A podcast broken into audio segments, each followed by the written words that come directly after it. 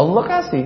Dan sudah pernah saya bilang ya, kata kunci supaya berani mau berjihad, kalau emang Allah mudahkan itu satu waktu dikumandangkan dengan izin Allah dan Allah mudahkan kita ikut insya Allah, maka kata kuncinya adalah ketahuilah teman-teman sekalian, tidak mungkin kita mati kalau ajalnya belum datang.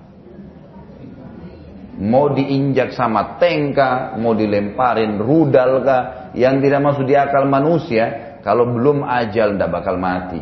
Hmm. Sudah itu konsep keimanan kita. Dan pada saat kita sedang ditusuk oleh musuh, dan memang pada saat itu mati datang, nggak dirasa lagi tusukannya, nggak dirasa lagi tebasannya di leher, nggak dirasa lagi apalah ya yang disiram mungkin timah lah atau apa itu nggak dirasa lagi karena semua orang yang mati hanya merasakan satu sakaratil maut dia cuma lihat malaikat cabut ruhnya. Dia nggak lihat lagi tuh. Mau ada orang yang terbakar di atas pesawat pernah saya kasih contoh kan? Ditabrak kereta api tenggelam di lautan dimakan ikan. Dia nggak bilang lagi aduh kepala saya hancur tabrak kereta api. Enggak dia nggak bilang lagi aduh badan saya sakit dicabit-cabit ikan. Enggak dia nggak bilang lagi, aduh badan saya panas karena kena api meledaknya pesawat. Enggak itu lagi. Semuanya cuma lihat malaikat cabut ruhnya. Orang beriman ruhnya mudah keluar, ya, dan orang kafir ruhnya susah keluar, sakit. Selesai itu konsepnya. Jadi kalau kita faham itu, nggak ada yang perlu dikhawatirkan. Makanya para sahabat yang betul-betul jujur dengan keimanannya, masuk di kancah peperangan memang mau mati.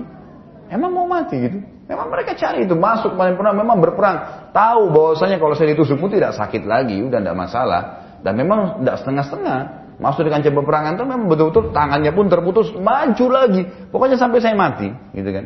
Seperti itulah gambarannya. Jadi Allah mengatakan kalian dulu, bayangkan ya, Allah gunakan walaqad kuntum Kalian dulu Allah bicara sama para sahabat dan kita juga orang beriman dan baca ini tersentuh semestinya. Allah bicara sama kita semua. Tatamannawna al-maut. Kalian dulu mau mati syahid.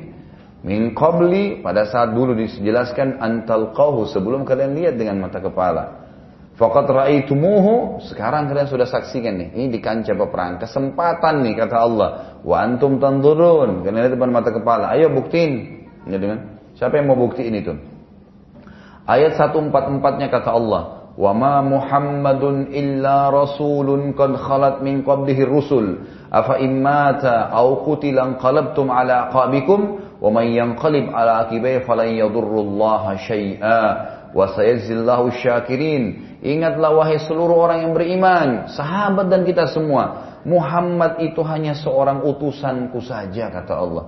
Hanya seorang rasul. Sungguh telah berlalu sebelumnya banyak rasul-rasul.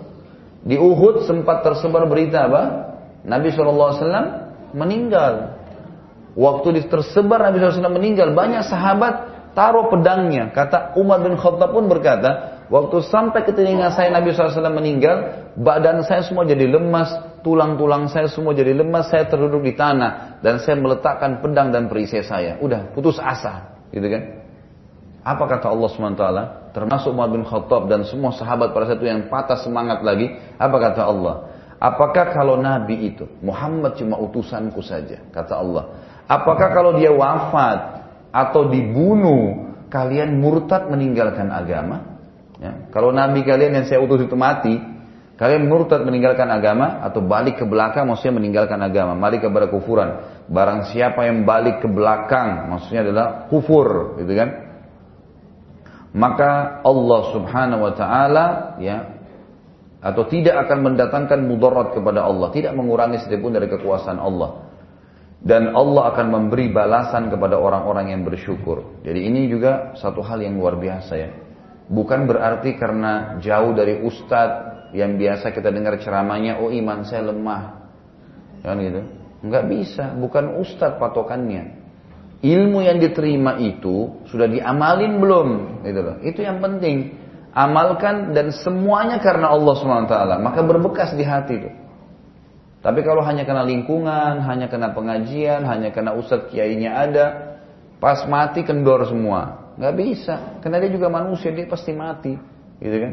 Apalagi kalau orang yang faham agama ya berharap mati syahid saya dengan izin Allah berharap Allah tutup dengan syahadah. Dan semoga juga orang-orang yang ikhlas begitu Allah tutup. gitu kan? Karena kita faham fadilahnya. Maka harusnya begitu. Jangan sampai ustadznya mati, kemudian tiba-tiba semuanya jadi kendor. Jauh semua dari agama Allah.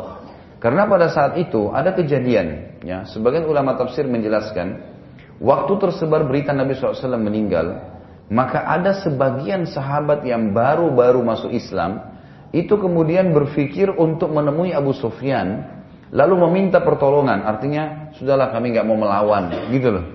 Ada di antara sahabat yang sempat terpikir itu. Sementara, ya, orang-orang munafik juga menyebarkan lagi berita bahwasanya Muhammad, ya, kalau seorang nabi nggak mungkin mati, buktinya mati berarti bukan nabi kalian. Tambah shock lagi banyak sahabat, gitu kan? Orang-orang munafik.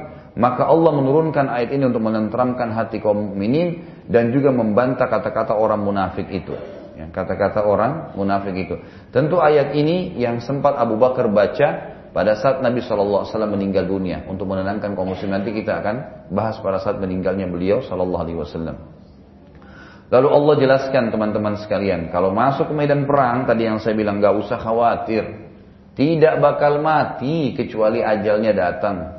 Yang gitu. Tidak sakit lagi kalau memang sudah datang ajal, mau dimutilasi, mau diinjak-injak, nggak ada urusannya. Udah nggak ada dirasain itu nggak usah khawatir gitu kan. Apa kata Allah tentang masalah itu? Ayat 145-nya. A'udzu billahi minasyaitonir rajim. Saya lanjutin, "Wa ma kana li nafsin an tamuta illa bi idnillahi kitaban muajjala." Wa may yurid thawabad dunya nu'tihi minha wa may yurid thawabal akhirati nu'tihi minha wasanajis syakirin. Sesuatu yang bernyawa, siapa pun yang bernyawa tidak akan mati melainkan dengan izin Allah. Mau satu negeri, mau satu juta orang kita hadapin, nggak bakal mati. Mau dikeroyokin oleh singa, kalau belum ajal, tidak bakal mati. Itu konsep akidah. Mau kena penyakit kanker, mau kena penyakit apa saja yang berat, dokter 10 orang, 100 orang vonis dia akan mati dalam seminggu, tidak mati kalau Allah belum datangkan ajalnya. Itu konsep keimanan kita, nggak boleh ragu dengan masalah itu. Nggak bakal mati. Kata Allah sosok yang bernyawa tidak akan mati melainkan dengan izin Allah. Sebagai ketetapan yang telah ditentukan waktunya. Allah sudah tentukan waktu dan tempatnya. Barang siapa, kata Allah subhanahu wa ta'ala, barang siapa menghendaki pahala dunia. Ya, maksudnya balasan dunia ya. Niscaya kami berikan kepadanya dunia itu. Siapa yang cuma sibuk minta dunia, takut mati, terus berpikir apa usaha apa lagi tidak mau mengeluarkan bantu orang miskin Allah silakan Allah kasih dan siapa yang mengharapkan pahala akhirat mengejar negeri akhirat kami berikan pula kepadanya akhirat itu dan kami akan memberi balasan kepada orang-orang yang bersyukur ya. Lalu kemudian juga Allah SWT lanjutin, masih berlanjut ayatnya ya. Ini terus sampai 179. Ayat 146 kata Allah wa ka'ayyin min nabiyyin qatala ma'ahu ribbiyuna katsirun fama wahanu lima asabahum fi sabilillah wa ma dha'ufu wa mastakanu wallahu yuhibbus sabirin. Allah menjelaskan para sahabat yang kendor imannya diingatkan oleh Allah Subhanahu wa taala. Jadi bukan cuma kalian, sebelum kalian tuh banyak kata Allah. Dan berapa banyak nabi yang berperang bersamanya orang-orang yang beriman pengikutnya yang bertakwa, mereka tidak lemah, mereka pada saat e, musibah menimpa mereka di jalan Allah, mereka tidak lesu dan tidak pula menyerah kepada musuh. Allah menyukai orang-orang yang sabar. Allah menyukai orang-orang yang sabar. Ya.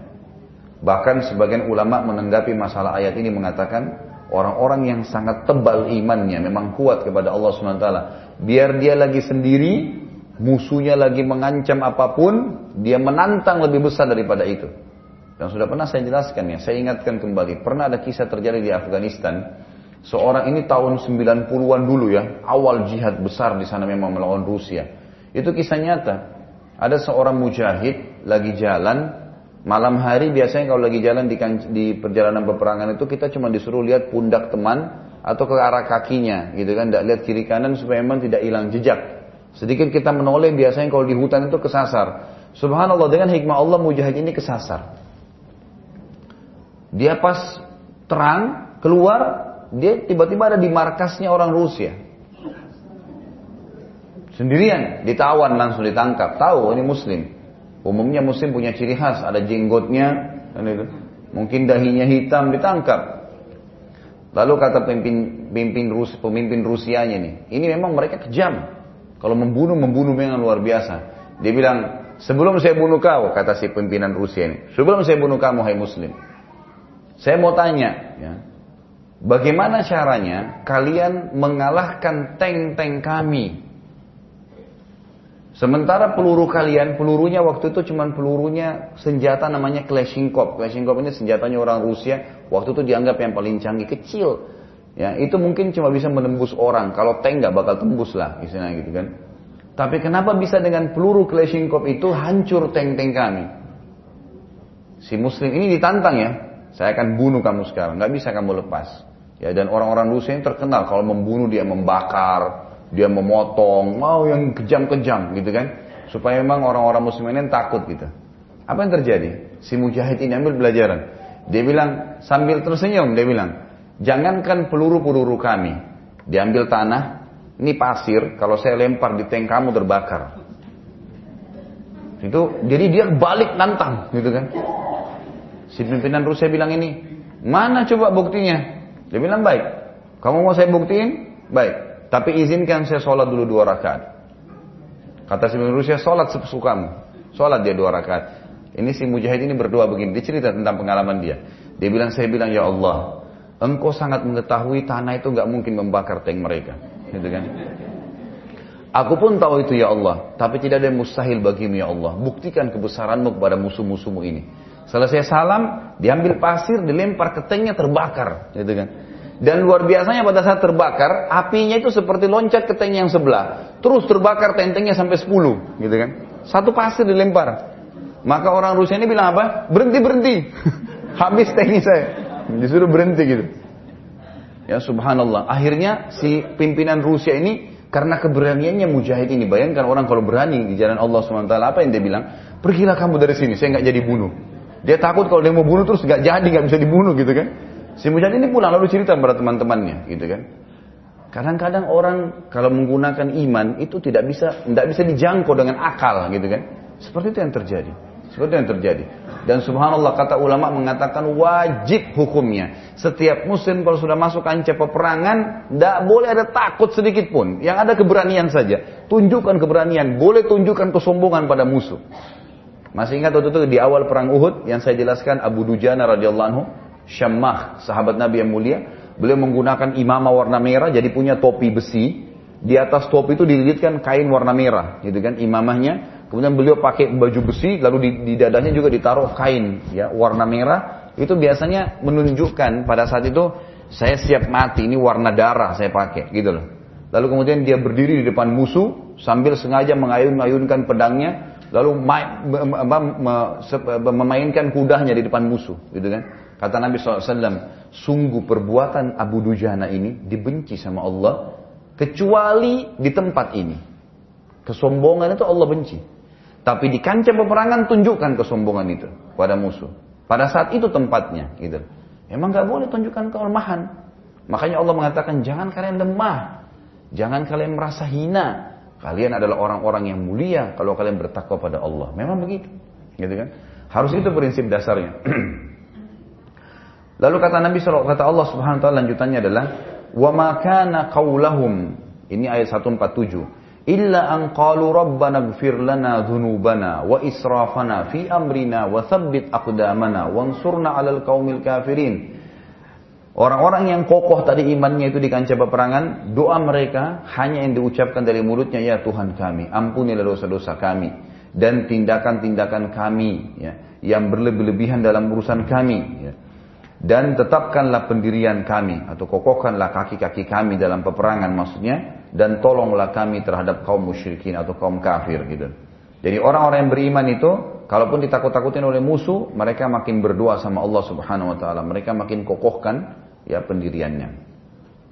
Kemudian ayat 148-nya fa'ata fa'atahumullahu thawabad dunya wa husna thawabil akhirah. Wallahu yuhibbul muhsinin. Karena itulah Allah memberikan kepada mereka kebahagiaan di dunia dan juga kebahagiaan dan balasan yang sangat baik di akhirat maksudnya surga.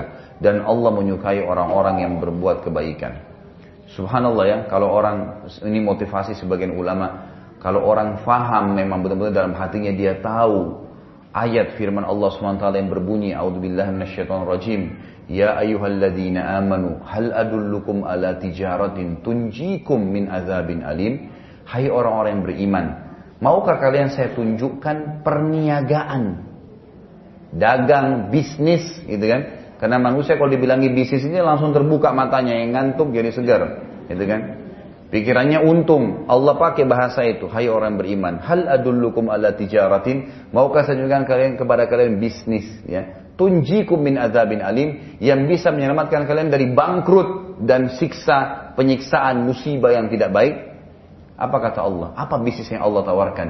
Tu'minuna billah. Kalian beriman kepada Allah. Wa rasuli dan rasulnya. Terus diikutkan apa? Wa tujahiduna fi sabilillah bi amwalikum wa anfusikum dzalikum khairul lakum in kuntum ta'lamun. Dan kalian berjihad di jalan Allah dengan harta kalian dan jiwa kalian itu lebih baik buat kalian kalau kalian mengetahuinya. Itu bisnis yang sebenarnya. Jadi kalau orang faham kata para ulama ayat ini, di mana pun ditiupkan kancah jihad dia sudah hadir di sana. Karena dia tahu subhanallah dengan hanya ikut tunggu musuh tusuk masuk surga tanpa hisap. 70 keluarga dijamin masuk surga. Nggak ada lagi pertanyaan mungkar nakir. Nggak butuh dimandiin orang mati syahid. Dengan bajunya dikubur begitu. Masuk surga tanpa hisap nanti hari kiamat. Masuk di surga tertinggi surga Firdaus hanya tinggal tunggu musuh tusuk. Ingat waktu itu di perang, salah satu peperangan juga, saya lupa Uhud atau Badar, yang sahabat lagi makan kurma, gitu kan? Kata Nabi SAW, oh di perang Badar waktu itu. Tidak ada satupun, kata Nabi SAW. Yang hadir di sini kalian yang jihad nih, 300 orang lebih. Kemudian mati di kancah peperangan ini kecuali pasti masuk surga. Apa kata sahabat itu? Bakin, bakin ya Rasulullah. Bakin itu indah sekali ya Rasulullah. Ulangin lagi. Kata Nabi SAW, demi zat yang ubun-ubunku dalam genggamannya, tidak ada seorang pun di antara kalian yang mati di sini, kecuali pasti masuk surga. Lalu sahabat tersebut makan kurmahnya, lagi tiga butir ya. Baru satu dimakan sama dia, lalu dia bilang innaha lahayatun tawilah. Teman-temannya belum faham nih di sebelahnya. Dia bilang hidup ini masih lama. Dibuang sama dia yang dua butir, yang satu butir pun dibuang sama dia, tinggal yang di mulutnya dikunyah, lalu masuk ke medan perang dan perang akhirnya terbunuh, gitu kan. Artinya dia bilang kalau saya harus habisin tiga butir kurma ini masih lama, gitu. Karena luar biasanya sudah tahu ini, sudah paham, tinggal tunggu ditusuk mati. Kamu apa gitu? Bapak Ibu sekalian, kalau kita meninggal dunia dan kita pasti meninggal ya. Perhatikan dan ingat kata-kata ini. Kalau kita meninggal dunia Bapak Ibu sekalian, kalau kita sudah mati, kita tidak ingin lagi kembali ke dunia. Itu untuk apa? Untuk kembali ke rumah yang selama ini kita kejar cicilannya atau kita berusaha isi perabotnya yang bagus atau kita mau kembali kepada istri atau suami atau anak-anak atau apalah ya kebun, mobil yang mewah, jabatan, teman-teman itu sudah nggak ada. Apa yang Allah ceritakan kalau orang mati? A'udzubillahi minasyaitonir qala rabbirji'un. Wahai Tuhanku kembalikan saya di dunia. Semuanya akan mengatakan kalimat ini. Siapa pun dia. Ya Allah, wahai Tuhanku kembalikan saya di dunia. Untuk apa? Kembali ke mobil yang mewah saya mau pakai lagi ya Allah. Rumah yang bagus saya mau tidurin lagi ranjang saya yang 100 juta.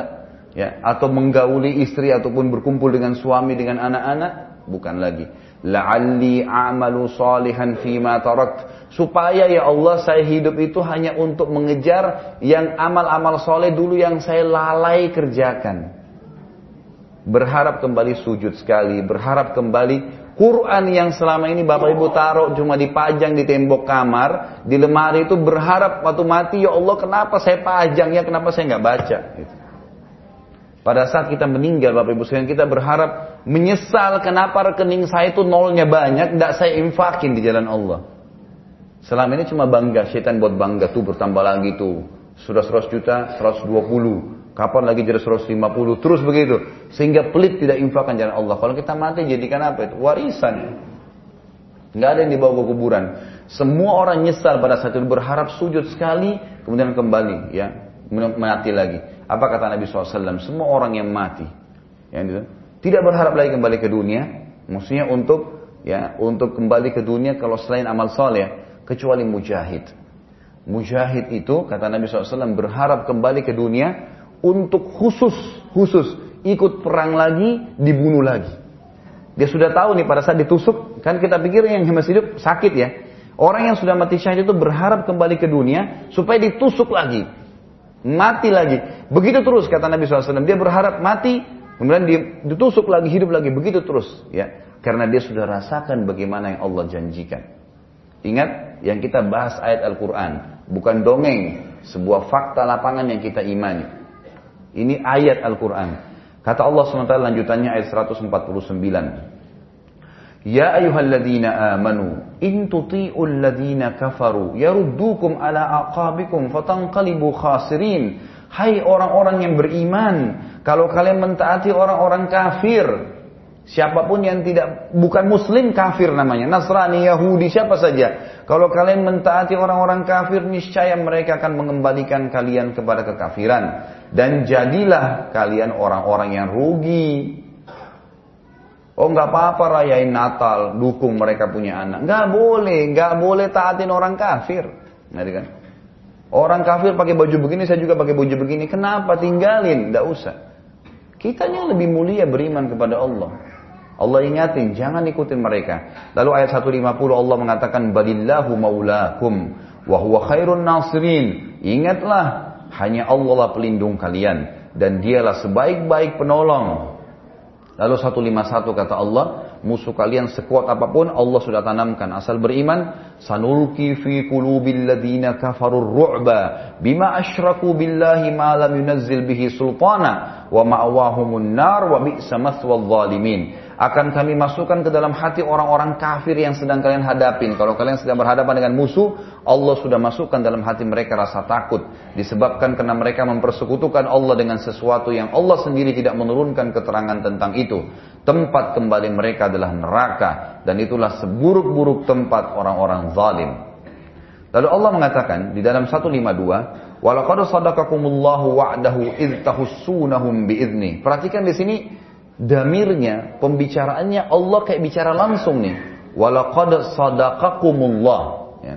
Allah telah menyampaikan, memenuhi janjinya pada kalian, wahai orang-orang yang beriman. Walaqad sadaqakumullah wa'dahu id tahussunahu bi tahussunahum bi idnih hatta idza fashiltum wa tanaza'tum fil amri wa 'asaytum min ba'di ma arakum ma tuhibbun minkum man yuridu dunya wa minkum man yuridul akhirah ثم صرفكم عنهم ليبتليكم ولقد عفا عنكم والله ذو فضل على المؤمنين Sesungguhnya Allah telah memenuhi janjinya kepada kalian ketika kalian membunuh mereka dengan izinnya sampai pada saat kalian lemah dan berselisih dalam urusan itu. Maksudnya di sini pada saat perang Badar Allah buktikan kalian menang, kalian berhasil membunuh mereka, gitu kan?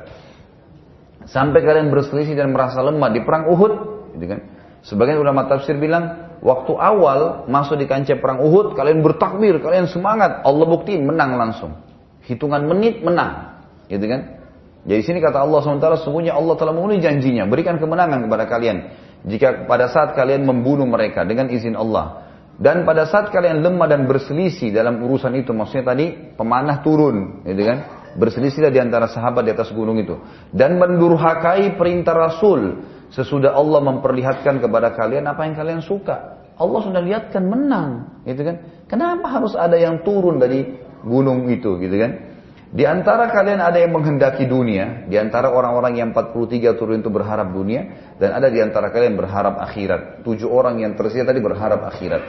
Kemudian Allah memalingkan kalian dari mereka untuk menguji kalian. Akhirnya dikalahkanlah. Dan sesungguhnya Allah telah memaafkan kalian. Dan ini keluar biasanya ya kemahamurahannya Allah nanti akan kita ambil dalam pelajaran-pelajaran atau kaidah dalam agama. Dan Allah mempunyai karunia yang dilimpahkan atas orang-orang yang beriman. Artinya nanti kaidah agama ada akan di poin setelahnya. Termasuk dalam memaafkan adalah sifat Allah Subhanahu wa taala. Baik ayat 153, ini masih panjang, saya percepat sedikit. إذ تسعلون ولا تلعون على أحد والرسول يدعوكم في أخراكم فعثابكم غما بغم لكي لا تحزنوا على ما فاتكم ولا ما أصابكم والله خبير بما تعملون Ingatlah ketika kamu lari dan tidak menoleh kepada seorang pun, maksudnya di medan perang. Waktu kocar kacir, itu kan sudah banyak yang terbunuh, kalian lari semua dari kancah peperangan. Ingat pada saat kalian lari dari kancah peperangan dan tidak menoleh kepada siapa pun. Sedangkan Rasul berada di antara kawan-kawan kalian yang lain dan memanggil kalian. Jadi waktu sahabat pada kocar kacir Nabi bilang, Berkumpullah wahai ibadullah, hamba-hamba Allah di sini. Saya adalah Rasulullah, tidak ada kebohongan. Nabi SAW motivasi mereka untuk berkumpul. Karena itu Allah menimpahkan atas kalian kesedihan di atas kesedihan. Kenapa? Karena tidak menjawab panggilan Rasul Sallallahu Alaihi Wasallam.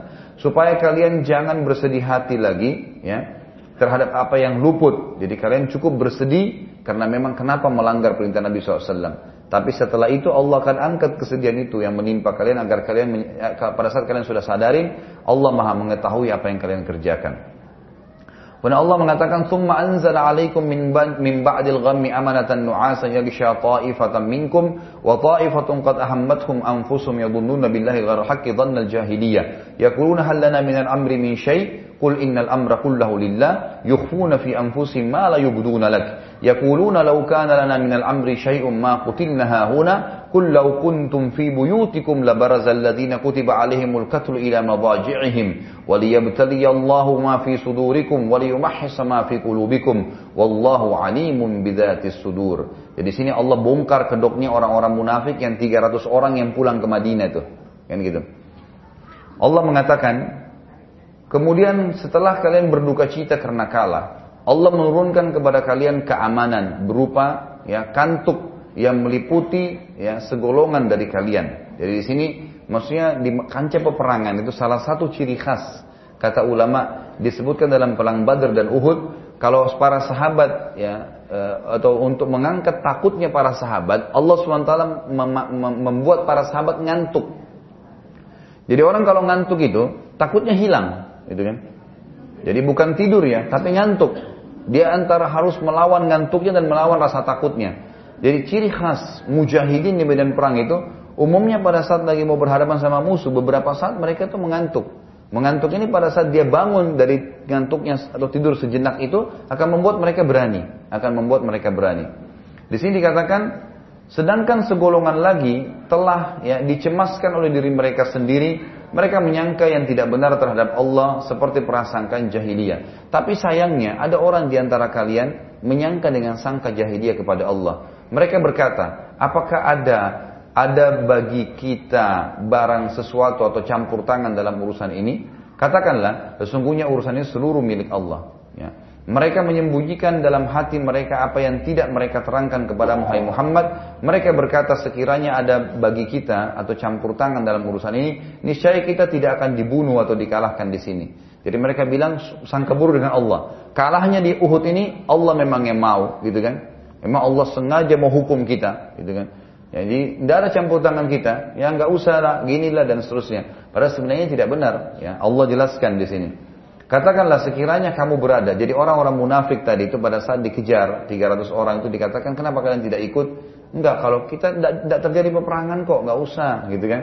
Atau mereka bilang, ah kayaknya kalau terbunuh pun itu terbunuhnya tidak terhormat. Ya, mereka bahasakan begitulah. Akhirnya kata Allah SWT sekiranya katakan kepada orang-orang munafik ini ataupun orang-orang mukmin tapi dia ragu dengan mati di medan perang. Katakan sekiranya kamu berada di rumahmu, niscaya orang-orang yang telah ditakdirkan akan mati itu terbunuh juga. Ya.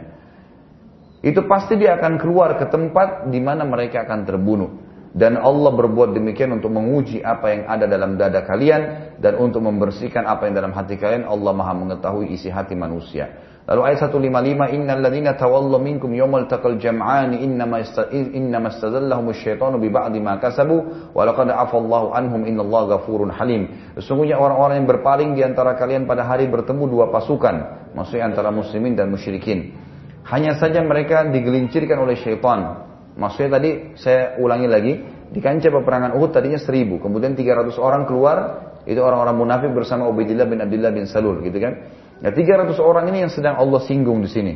Sesungguhnya orang-orang yang berpaling di antara kalian pada hari bertemu dua pasukan, kembali ke Madinah dan tidak masuk ke kancah peperangan Uhud, mereka itu digelincirkan oleh syaitan, disebabkan sebagian kesalahan yang mereka perbuat di masa lampau. Dan sesungguhnya Allah telah memberi maaf kepada mereka. Kalau mereka mau, minta maaf, taubat Allah maafin.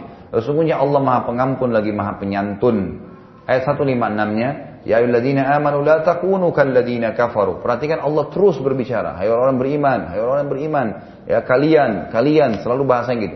Ya alladzina amanu la takunu kalladzina kafaru wa qalu li ikhwanihim idza darabu fil ardi aw kanu guzzan law kana indana ma matu wa ma qutilu liyaj'ala Allahu dzalika hasratan fi qulubihim wallahu yuhyi wa yumit wallahu bima ta'maluna basir.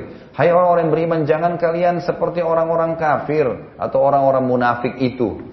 Jadi orang munafik yang sudah balik ke Madinah yang 300 orang tidak ikut yang mengatakan kepada saudara-saudara mereka, maksudnya teman-teman mereka di dalam kota Madinah, gitu kan? Apabila mereka mengadakan perjalanan di bumi atau mereka berperang, kalau mereka tetap bersama kita, tentulah mereka tidak akan mati dan terbunuh. Jadi waktu sahabat pulang ke Madinah, orang-orang munafik bilang, coba mereka tetap ikut kami itu hari kembali dari Uhud. Maka mereka tidak terbunuh. Akibat dari perkataan dan keyakinan mereka yang demikian itu, Allah menimbulkan rasa penyesalan yang sangat dalam di sangat da, sangat dalam di, eh, apa, yang sangat di dalam hati mereka. Allah menghidupkan dan mematikan dan Allah ya melihat apa yang kamu kerjakan. Artinya matinya sahabat memang sudah Allah tentukan meninggalnya pada saat itu. Ayat 157 wala in qutiltum fi sabilillahi aw muttum la maghfiratu minallahi wa rahmatun khairum mimma yajma'un. Dan sungguh kalau kalian gugur di jalan Allah, meninggal, tentulah ampunan Allah dan rahmatnya lebih baik bagi kalian daripada harta rampasan perang. Ayat 158 wala in muttum aw qutiltum la ilallahi tuhsyarun. Kalaupun kalian meninggal dan gugur, tetap kalian juga akan dikembalikan dan dikumpulkan kepada Allah. 159 fabima rahmatin minallahi lintalahum walau kunta faddan ghalidhal qalbi lam faddu min hawlik fa'fu anhum wastaghfir lahum wasyawirhum fil amr wa idza azamta 'ala Allah innallaha yuhibbul mutawakkilin maka disebabkan rahmat dan dari Allah nah, kepadamu hai Muhammad sehingga kamu berlemah lembut dengan mereka. Sekiranya kamu bersikap keras, ya ini kembali kepada bahasan para sahabat. Setelah mereka shock dalam peperangan, Nabi SAW tetap berlemah lembut dengan mereka. Berlemah lembut dengan mereka. Kalau seandainya kau berhati keras, hai Muhammad dan kasar, tentulah mereka menjauhkan diri dari sekelilingmu karena mereka baru terpukul dengan peperangan. Karena itu, maafkanlah kalau ada yang salah di antara mereka Artinya pada saat kamu panggil-panggil, ayo berkumpullah. Ada yang sempat lagi dari kancah peperangan, maafkan saja mereka. Mohonlah ampun untuk mereka kepada Allah. Dan setelah itu bermusyawarah dengan mereka dalam urusan apa pun. Dari sini Allah SWT menyuruh para sahabat dimaafkan, diminta tobat kepada Allah, lalu gabung rangkul lagi mereka, gitu kan, untuk diajak bermusyawarah dalam perkara apa pun, ekonomi, politik, peperangan setelahnya. Kemudian apabila kamu telah membuat, ya, membulatkan tekad, sudah niat, sudah berazam, maka bertawakallah kepada Allah. Lakukan. Sesungguhnya Allah menyukai orang-orang yang bertawakal kepadanya. 160 in yang surakum in yang surukumullah fala ghaliba lakum. Wa in yakhzulkum faman dhal faman dzalladzi yansurukum min ba'di. Wa 'ala Allah falyatawakkalul mu'minun jika Allah menolong kalian maka tidak ada seorang pun yang bisa mengalahkan kalian. Dan jika Allah meninggalkan kalian, tidak memberikan pertolongan, maka siapa kira-kira yang bisa menolong kalian selain Allah? Karena itu hendaklah kalian kembali kepada Allah kalau kalian orang-orang yang bertawakal. 161. Wa ma kana nabiyyin an yaqul wa man yaglul ya'ti bima ghalla qiyamah.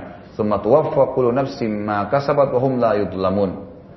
Tidak mungkin seorang nabi berkhianat dalam urusan harta rampasan perang. Artinya, gak usah repot-repot kalian itu bingung. Kan itu 43 orang pada saat turun dari bukit pemanah, Bapak Ibu sekalian. Itu mereka bilang sama teman-temannya, tuh harta rampasan perang banyak tuh. Ayo kita turun ambil yuk kumpulin gitu kan. Tujuannya mereka mau ngumpulin. Memang orang yang pegang pun tidak boleh ngambil ya. Mereka harus kumpulin nanti kepimpinan yang akan membagi.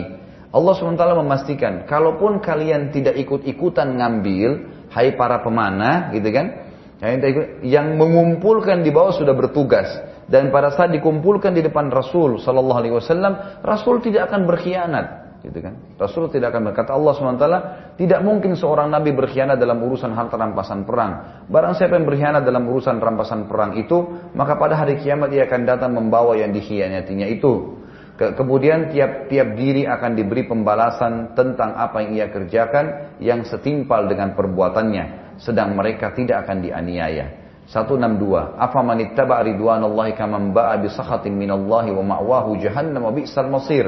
Apakah orang-orang yang mengikuti keridhaan Allah sama dengan orang-orang yang kembali membawa kemurkaan Allah dan tempatnya neraka jahanam dan itu seburuk-buruk tempat kembali? Apakah sama orang-orang kafir, orang munafik yang akan mati masuk neraka dengan orang-orang yang beriman yang mati tulus berperang di jalan Allah? Tentu tidak. Karena orang-orang kafir dan munafik itu akan ke neraka jahanam.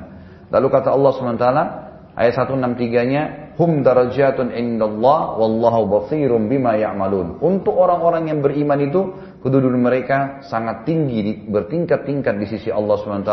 Dan Allah maha melihat apa yang mereka kerjakan. 164 Laqad manna Allahu 'alal mu'minina idh ba'atha fihim rasulan min anfusihim yatlu 'alaihim ayatihi wa yuzakkihim wa yu'allimuhumul kitaba wal hikmata wa in kanu min qablu lafi dhalalin mubin. Sungguh Allah telah memberi karunia kepada orang-orang yang beriman kepada Allah dengan mengutus rasul dari golongan mereka sendiri. Yang paling besar nikmat kalian ada rasul di tengah-tengah kalian hai orang-orang yang beriman yang membacakan kepada kalian ayat-ayat Allah, membersihkan jiwa-jiwa kalian dan mengajarkan kepada mereka Alkitab dan hikmah, Al-Quran dan Sunnah. Dan sungguhnya sebelum kedatangan Nabi itu mereka benar-benar dalam kesatuan yang nyata. 165-nya. Awalam ma asabatkum musibatun qad asabtum mithlaiha qultum anna hadha qul huwa min indi anfusikum innallaha ala kulli syai'in qadir. Mengapa ketika kamu ditimpa musibah pada perang Uhud, kamu bersedih? Kenapa harus bersedih? Padahal kalian telah menimpahkan ke ke kekalahan dan kesedihan dua kali lipat kepada musuh-musuh kalian pada perang Badar. Nah, perang Badar mereka lebih sedih. Mereka lebih banyak kekurangan dan hancur. Kamu, kalian berkata, dari mana datangnya kekalahan ini? Katakanlah, itu karena kesalahan diri kalian sendiri. Sesungguhnya Allah Maha Kuasa atas segala sesuatu. Sebagian ulama tafsir bilang, ada sebagian sahabat yang bilang, kok bisa kita kalah sementara kita beriman? Allah sudah janjikan kemenangan kan? Lalu Allah mengatakan kekalahan itu datang karena perbuatan kalian sendiri. Karena ada di antara kalian yang ya, tadi turun dari eh, medan medan perang, apa dari da, dari gunung tadi. Perlu Bapak Ibu tahu juga ya, kalau Bapak Ibu kembangkan lagi pertanyaan mengatakan, loh kan yang ber, yang berkhianat tanda kutip bukan berkhianat, yang yang beristihad tadi turun dari bukit itu kan cuma 43 orang. Masa semua umat Islam yang harus kena kekalahannya? Jawabannya iya. Karena memang sudah menjadi hukum Allah kalau di satu komunitas itu ada orang berbuat salah dan dibiarkan maka akan datang macam-macam. Semuanya akan datang. Dalam hadis dikatakan kalau telah tersebar kerusakan di sebuah komunitas, Allah datangkan siksaannya termasuk kepada orang yang mukmin akan mati semua. Lalu Allah akan bangkitkan mereka nanti sesuai dengan amalnya masing-masing. Yang beriman nanti akan selamat di akhirat. Tapi karena dia tinggal di komunitas yang penuh dengan maksiat, maka dia bisa kena. Gitu kan? Jadi garis bawah ini ya, kalau Bapak Ibu tinggal di satu komplek, 15 rumah, 13 rumah semua ahli maksiat pindah dari situ. Jangan jangan malah bertahan karena kalau datang cobaan tiba-tiba kebakaran misalnya, tiba-tiba ada perampok, kita juga kena tampiasannya karena perbuatan mereka. Karena ini sudah dianggap satu komunitas, gitu kan? Tadi pasukan itu sudah dianggap satu pasukan oleh Allah. Ada yang berkhianat, ada yang turun, ada yang tadi berisiat melanggar perintah Nabi, maka berarti kena semua, gitu kan? Kena semuanya. Walaupun yang menanggung dosa tadi adalah orang-orang yang 43 itu. Dikatakan juga di dalam 166 ya, wa ma asabakum Yaumal takal jam'ani fa biidnillahi wa liya'lamal mu'minin. Dan apa yang menimpa kalian pada hari bertemunya dua pasukan, maka kekalahan itu juga dengan izin Allah tetap terjadi. Artinya karena Allah sudah atur begini. Kita kalau minum racun pasti sakit. Tidak boleh kita bilang gini, ah kalau misalnya saya minum ini, tidak deh, nggak apa-apa. tidak pas saya tidak kena mati, saya tidak akan mati. Padahal racun yang diminum. Allah sudah menciptakan tuh bahaya tuh racun, nggak boleh, gitu kan? Maka kalau orang paksain minum, dia bisa mati. Nah ini Allah maksudkan di sini, apa pun yang menimpa kalian dari kekalahan tersebut, memang dengan izin Allah juga. Orang kalau sakit kena minum racun dengan izin Allah karena Allah sudah bebankan penyakit atau di dalam racun itu bisa mematikan. Kalau kalian mengkhianati atau menolak titah Rasul kalian karena akan kalah, gitu kan? Itu sudah hukum dari Allah. Dan Allah mengetahui siapa orang-orang yang beriman. 167. Waliya'lamal ladzina nafaqu wa qila lahum ta'alu qatilu fi sabilillahi aw idfa'u Qalu law na'lamu qitalan lattaba'nakum hum lil kufri yawma idin aqrabu minhum lil iman yaquluna bi afwahihim ma laysa fi qulubihim wallahu a'lam bima yaktumun. Agar Allah mengetahui juga hikmah di antara yang besar diambil dari masalah ya Uhud ini Allah mengetahui atau memberitahukan tentang orang-orang munafik. Kepada mereka dikatakan, marilah berperang di jalan Allah dan pertahankan agama kalian, diri kalian. Mereka berkata, sekiranya kami mengetahui akan terjadi peperangan, tentu kami akan mengikuti kalian. Jadi orang-orang munafik yang 300 waktu dikejar oleh Abdullah, ya, Abdullah anhu, dikejar untuk disuruh panggil kembali, mereka bilang kayaknya nggak jadi tidak, ada peperangan kok. Ya. Lalu pada saat ditanya waktu di Madinah, kenapa kalian tidak ikut? Ya kami nggak tahu, kami pikir tidak jadi perang. Padahal sudah jelas-jelas musuh depan mata. Itu cuma alasannya.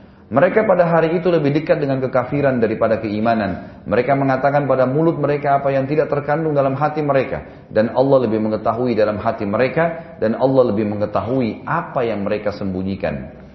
Terus selanjutnya satu ya 68 alladzina qalu li ikhwanihim wa qa'adu law ata'una ma qutilu qul fadra'u uh, fadra'u an anfusikumul mauta in kuntum shadiqin. Orang-orang yang mengatakan kepada saudara-saudaranya, ya mesti orang-orang di Madinah dan mereka tidak turut pergi berperang. Sekiranya mereka mengikuti kita, tentu mereka tidak terbunuh. Katakanlah, tolaklah kematian itu kalau kalian benar-benar orang yang benar. Katakan pada orang munafik itu, kalau kalian betul-betul memang karena tidak jadi ikut di Uhud sehingga kalian tidak mati, karena itu alasannya, coba kalau pada saat mati datang kepada kalian di Madinah, kalian bisa tolak nggak?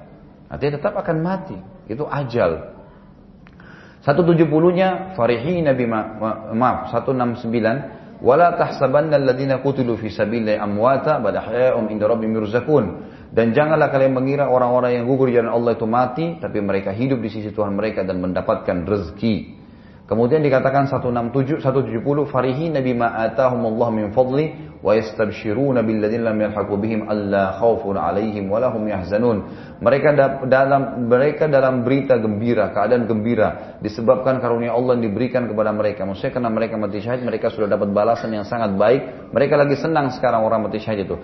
Dan mereka menyampaikan berita gembira kepada semua yang belum menyusul. Kita ini semua yang lagi baca ayat ini, semua yang belum menyusul ya tidak perlu kalian takut, nggak usah khawatir. Kami ini sudah buktiin. Gitu. Allah buktiin. Abu ceritakan. Ini sebagian ulama tafsir bilang ini terjadi pada syuhada Uhud, eh, syuhada Badr ayat ini ya. Tapi sebagian ulama masukkan di dalam masalah Uhud. Jadi ini masih khilaf di antara sejarah. Jadi eh, beberapa syuhada Badr waktu mereka meninggal, Nabi SAW tunjuk mereka sambil berkata, teman-teman kalian ini sekarang yang mati syahid di sini di Badar sedang berbicara sama Tuhan kalian. Ruh mereka mereka berkata kepada Tuhan mereka, Ya Allah, ya, kembalikan kami di dunia, supaya kami perang lagi. Kami ingin mendapatkan double dari apa yang telah engkau berikan ini ya Allah. Kata Allah SWT sudah menjadi sunnahku, peraturanku, nggak mungkin kalian kembali lagi ke dunia. Nggak mungkin. Lalu mereka bilang, kalau begitu ya Allah, sampaikan berita gembira kepada teman-teman kami yang belum ditusuk musuh tuh, yang belum mati sampaikan, nggak usah takut, nggak usah sedih, kami sudah buktiin, gitu kan? Turunlah firman Allah ini. Jadi mereka mengatakan, jadi ini Allah menceritakan tentang yang sudah mati syahid nih. Mereka dalam keadaan yang mati syahid. Gembira. Mati, ditusuk musuh, dimutilasi, dikatakan lagi gembira oleh Allah. Disebabkan karunia Allah. Sekarang mereka lagi nikmatin itu, nikmat-nikmat dari Allah. Yang diberikan kepada mereka dan mereka menyampaikan terhadap orang-orang yang masih hidup yang belum menyusul mereka. bahwasanya tidak ada kekhawatiran terhadap mereka dan tidak perlu mereka bersedih hati.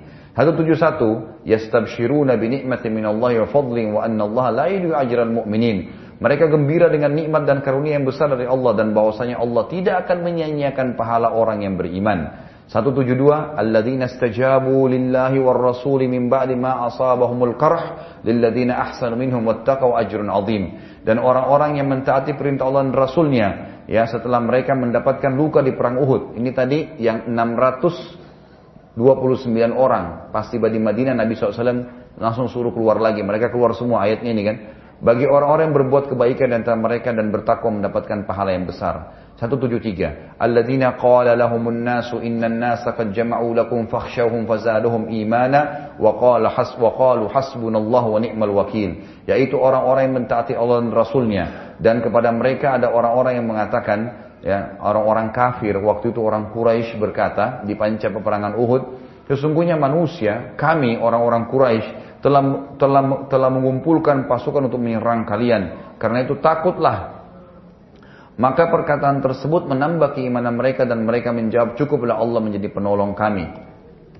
Dan juga Allah sebaik-baik tempat pelindung. Sebagian ulama tafsir ini lebih kuat mengatakan ayat ini turun tepatnya pada saat Nabi SAW sudah keluar dari Madinah menuju ke Hamrat Asad tadi. Kan ada mu'bad tadi ya.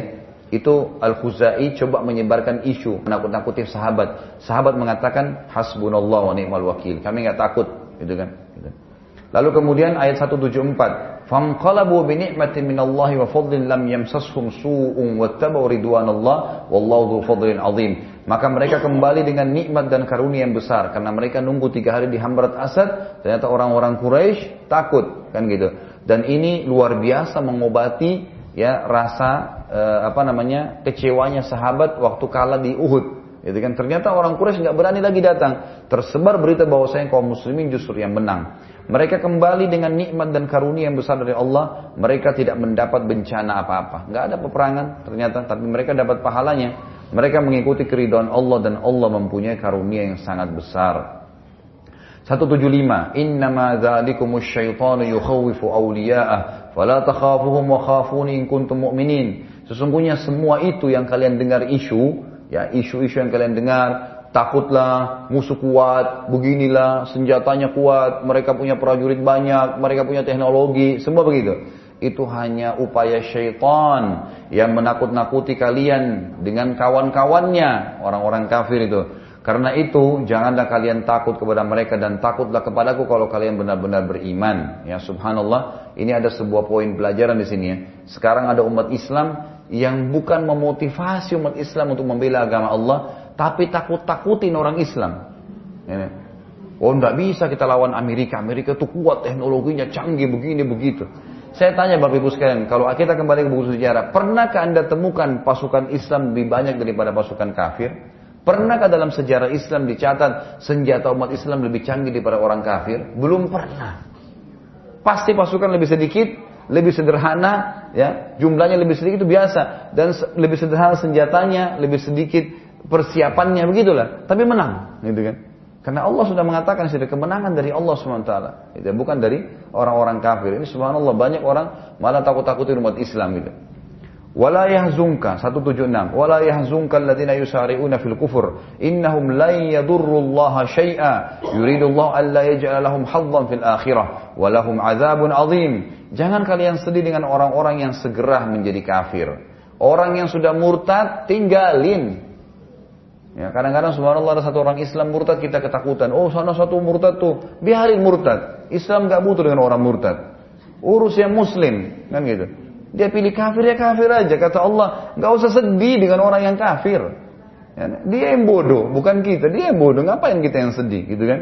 Walaupun kerabat kita sendiri. Sesungguhnya mereka tidak sekali-kali dapat ya, memberikan mudarat kepada Allah. Allah nggak rugi dengan dia murtad tuh. Dia yang rugi, Allah nggak perlu dengan dia gitu. Allah berkehendak tidak akan memberikan bagian buat dia di akhirat sebenarnya, gitu ya. Dan bagi mereka azab yang pedih. 177 Innal ladzina ishtarawul kufra bil imani lan yadurrullaha syai'a walahum adzabun alim. Sesungguhnya orang-orang yang menukar iman dengan kekafiran. Di sini turun kepada orang-orang munafik tadi itu. Sekali-kali mereka tidak dapat memberikan mudarat kepada Allah sedikit pun dan bagi mereka azab yang pedih. 178-nya wala yahsabanna alladziina kafaru annama numli lahum khairun li anfusihim innama numli lahum liyazdadu itsma walahum adzabun muhin. Di sini Allah berikan keterangan kepada orang yang beriman, orang-orang kafir tuh yang sempat menang untuk kalian di medan Uhud, walaupun asalnya kalian kalah, ada pelanggaran yang kalian lakukan, tapi orang yang terbunuh mati syahid di antara kalian. Kalian pulang dapat pengalaman, nggak ada yang rugi. Tapi orang-orang kafir itu, apa kata Allah? Dan jangan sekali-kali orang-orang kafir itu menyangka bahwa pemberian tangguh kami kepada mereka, maksudnya masih diberikan umur sedikit, masih diberikan kemenangan sedikit, adalah lebih baik bagi mereka. Sesungguhnya kami memberi tangguh kepada mereka hanyalah supaya bertambah dosa-dosa mereka dan bagi mereka azab yang menghinakan. Terakhir ayat 179-nya. ما كان الله ليذر المؤمنين على ما أنتم عليه حتى يميز الخبيث من الطيب وما كان الله ليطلعكم على الغيب ولكن الله يجتبي من رسله من يشاء فآمنوا بالله ورسله وإن تؤمنوا وتتقوا فلكم أجر عظيم Allah sekali-kali tidak akan membiarkan orang-orang yang beriman dalam keadaan kamu sekarang ini. Artinya Allah tidak mungkin membuat kamu terus-menerus susah, enggak. Allah cuma kasih pelajaran, ini pelanggaran terjadi, nih akibatnya, gitu kan? Berzina, ya ini hukumannya.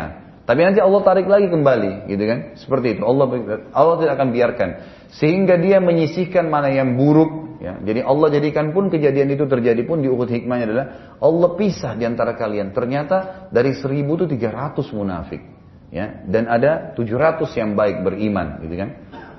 Allah menyisihkan, mengeluarkan yang buruk orang munafik dari yang baik orang yang beriman. Dan Allah sekali-kali tidak akan memperlihatkan kepada kalian hal-hal yang gaib. Akan tapi Allah memilih siapa yang dikehendakinya di antara rasul-rasulnya. Tapi Allah sebenarnya ini berita pasti benar yang Allah janjikan. Cuman Allah tidak akan memberitahukan kalian berita gaib. Allah tidak akan bilang, oh di Uhud kalian kalah nanti ada yang terbunuh, orang kafir begini nanti ada yang berkhianat. Allah sudah tahu sebenarnya. Tapi Allah mengatakan, Allah tidak ingin memperlihatkan hal gaib kepada kalian. Ya, tapi Allah memilih dari rasul-rasulnya yang Allah ingin sampaikan. Karena itu berimanlah kepada Allah dan Rasulnya dan jika kalian beriman dan bertakwa maka kalian akan mendapatkan pahala yang besar.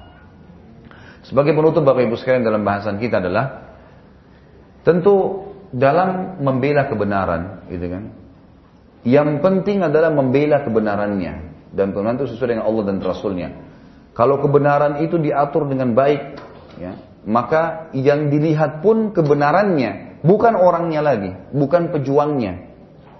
Misal ada orang berperang di jalan Allah Subhanahu wa taala. Yang kita lihat apa yang mereka perjuangkan, kebenarannya. Nggak usah lihat siapa yang berperang. Mau dia orang miskin, mau dia orang kaya, mau dia uh, orang baru masuk Islam tadi nggak penting. Tapi apa yang mereka perjuangkan? Kata Ali radhiyallahu anhu, kebenaran itu sebenarnya Engkau akan mengetahui dari pembela-pembelanya dan bukan kebenaran ini dari julukan seseorang padanya. Maksudnya kenapa orang membela kebenaran? Karena itu kebenaran sendiri memang harus dibela. Gitu kan? Kurang lebih seperti itu. Lalu saya eh, ringkaskan sini beberapa poin. Ada yang keempat ya, lahirnya beberapa kaidah penting dalam agama. Yang pertama memaafkan adalah perintah Allah. Karena Allah memaafkan dan menyuruh Nabi SAW tadi memaafkan kalau ada yang taubat tadi. Yang kedua, Tentu saya sudah pernah jelaskan ya Bapak Ibu kalau ada orang buat salah maafin aja. Selama dia belum minta maaf kepada kita, tetap hukuman akan datang kepadanya. Jadi memaafkan perintah ibadah. Ada yang gibah kita, maafin. Ada orang utang belum bayar, maafin. Kita maafin lebih dulu. Maafin ini sebuah ibadah. Tapi selama dia belum melakukan, dia belum minta maaf, dia belum mengembalikan, gitu kan? Maka berarti dia tetap akan dihukum oleh Allah. Jadi memaafkan sendiri ibadah itu. Yang kedua adalah bermusyawarah bagian daripada ibadah, daripada agama kita. Nabi SAW disuruh setelah perang di, kalaupun di Uhud selalu bermusyawarah dengan para sahabat. Jadi cobalah bermusyawarah dengan teman-teman sekitar yang dipercaya. Yang ketiga, Allah zat yang maha tahu dan berkuasa. Serta selalu senantiasa mendidik orang-orang yang beriman. Yang keempat, ini poin-poin kaidah yang diambil ya dari perang Uhud juga. Kelemahan dan terkalahkannya kaum muslimin itu bukan karena ya mereka masalah imannya, tapi karena ada pelanggaran yang terjadi di sisi iman mereka itu, gitu kan? Sementara kemenangan justru bertitik pada dua hal, iman dan pengorbanan. Yang kelima adalah sunnatullah yang akan terjadi, ya. Tadi kalah, menang itu akan terjadi. Dan itu sudah saya jelaskan tadi. Yang keenam, Allah Azza wa Jal memilih para syuhada. Ini juga sudah saya jelaskan tadi. Bagaimana Allah menyortir orang-orang yang akan mati syahid. Dan yang ketujuh, dan ini poin terakhir adalah syaitan menakut-nakuti. Maaf, bukan poin terakhir ya. Syaitan menakut-nakuti ya, semua orang yang beriman. Tapi upaya dia hanya menakuti.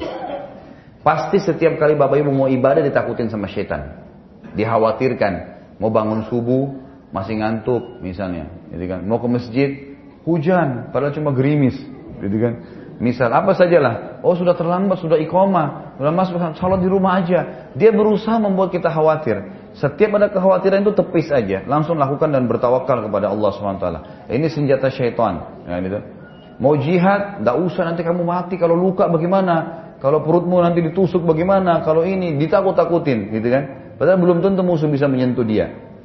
Yang kedelapan, belajar dari masalah atau musibah jauh lebih besar nikmatnya dibandingkan ya ya, maaf, belajar dari masalah atau musibah jauh lebih besar daripada nikmat. Belajar dari musibah yang sedang terjadi itu sebenarnya lebih besar daripada sedang menikmati nikmat yang ada, gitu kan? Memang menyakitkan bagi kaum muslimin, tapi menjadi pelajaran yang besar.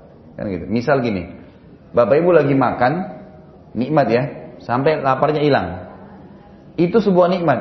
Tapi kalau Bapak Ibu lapar, Kemudian nanti baru dapat makanan, sempat menikmati lapar itu, Itu lebih besar sebenarnya pelajaran bagi manusia dibandingkan dia sedang makan tadi. Karena kalau dengan lapar kita bisa tahu nikmatnya makan. Beda kalau makanan tiba-tiba ada, gitu kan? Bisa ditangkap maksudnya ya? Seperti itu. Kemudian yang kesembilan, kedudukan pentingnya mempelajari sirah nabawiyah. Pentingnya mempelajari sirah. Jadi tadi ini kita dengan belajar sirah kita jadi tahu ayat-ayat yang turun, bagaimana Allah berbicara dengan para sahabat. Ini bukan khayalan, bukan dongeng ini. Ya, Allah berfirman langsung dengan para sahabat. Dan ini kita sudah baca tadi semuanya. Dan yang terakhir poin ke-10 adalah sempurnanya agama Islam ini karena Islam menjelaskan dan membuka segala sesuatu termasuk kekalahan orang-orang beriman jadi bukan aib dalam Islam. Waktu perang Uhud Allah ceritakan tentang mereka kalah. Allah jelaskan penyebab kalahnya. Dan Islam itu menandakan agama yang sempurna karena salah pun dijelaskan, gitu kan? Bukan aib untuk menceritakannya. Banyak orang, subhanallah, ya selain non Muslim, mereka menutup-nutupi kesalahannya dan menonjolkan kemenangan. Bahkan banyak yang merekayasa data, nggak pernah menang tapi menang terus, gitu kan? Pernah nggak antum melihat film Amerika itu kalah? Hah? Kalah atau menang terus? Nah. Dengan hebatnya ada Rambo yang cuma khayalan saja, gitu kan? Itu kan cuma khayalan. Ya, dengan badannya besar, kemudian dia bisa bermain dengan actionnya mengalahkan satu negeri, satu kota, bisa mengalahkan. Itu bohong. Nggak ada mana, benar nggak? Nggak benar, gitu kan? Nggak benar. Tapi dalam Islam memang benar. Yang benar-benar, yang salah-salah. Dan dalam Islam memang peperangan itu terjadi dengan kerjasama antara semua pasukan dan prajurit. Allahu alam. Ini kurang lebih pelajaran kita hari ini dan insya Allah pertemuan akan datang nanti kita akan lanjutkan lagi dengan uh, beberapa peperangan yang terjadi setelah perang Uhud itu sendiri. Dan mohon maaf untuk hari ini saya tidak buka pertanyaan karena waktu yang terdesak. Nah, saya harus ke Cikarang lagi.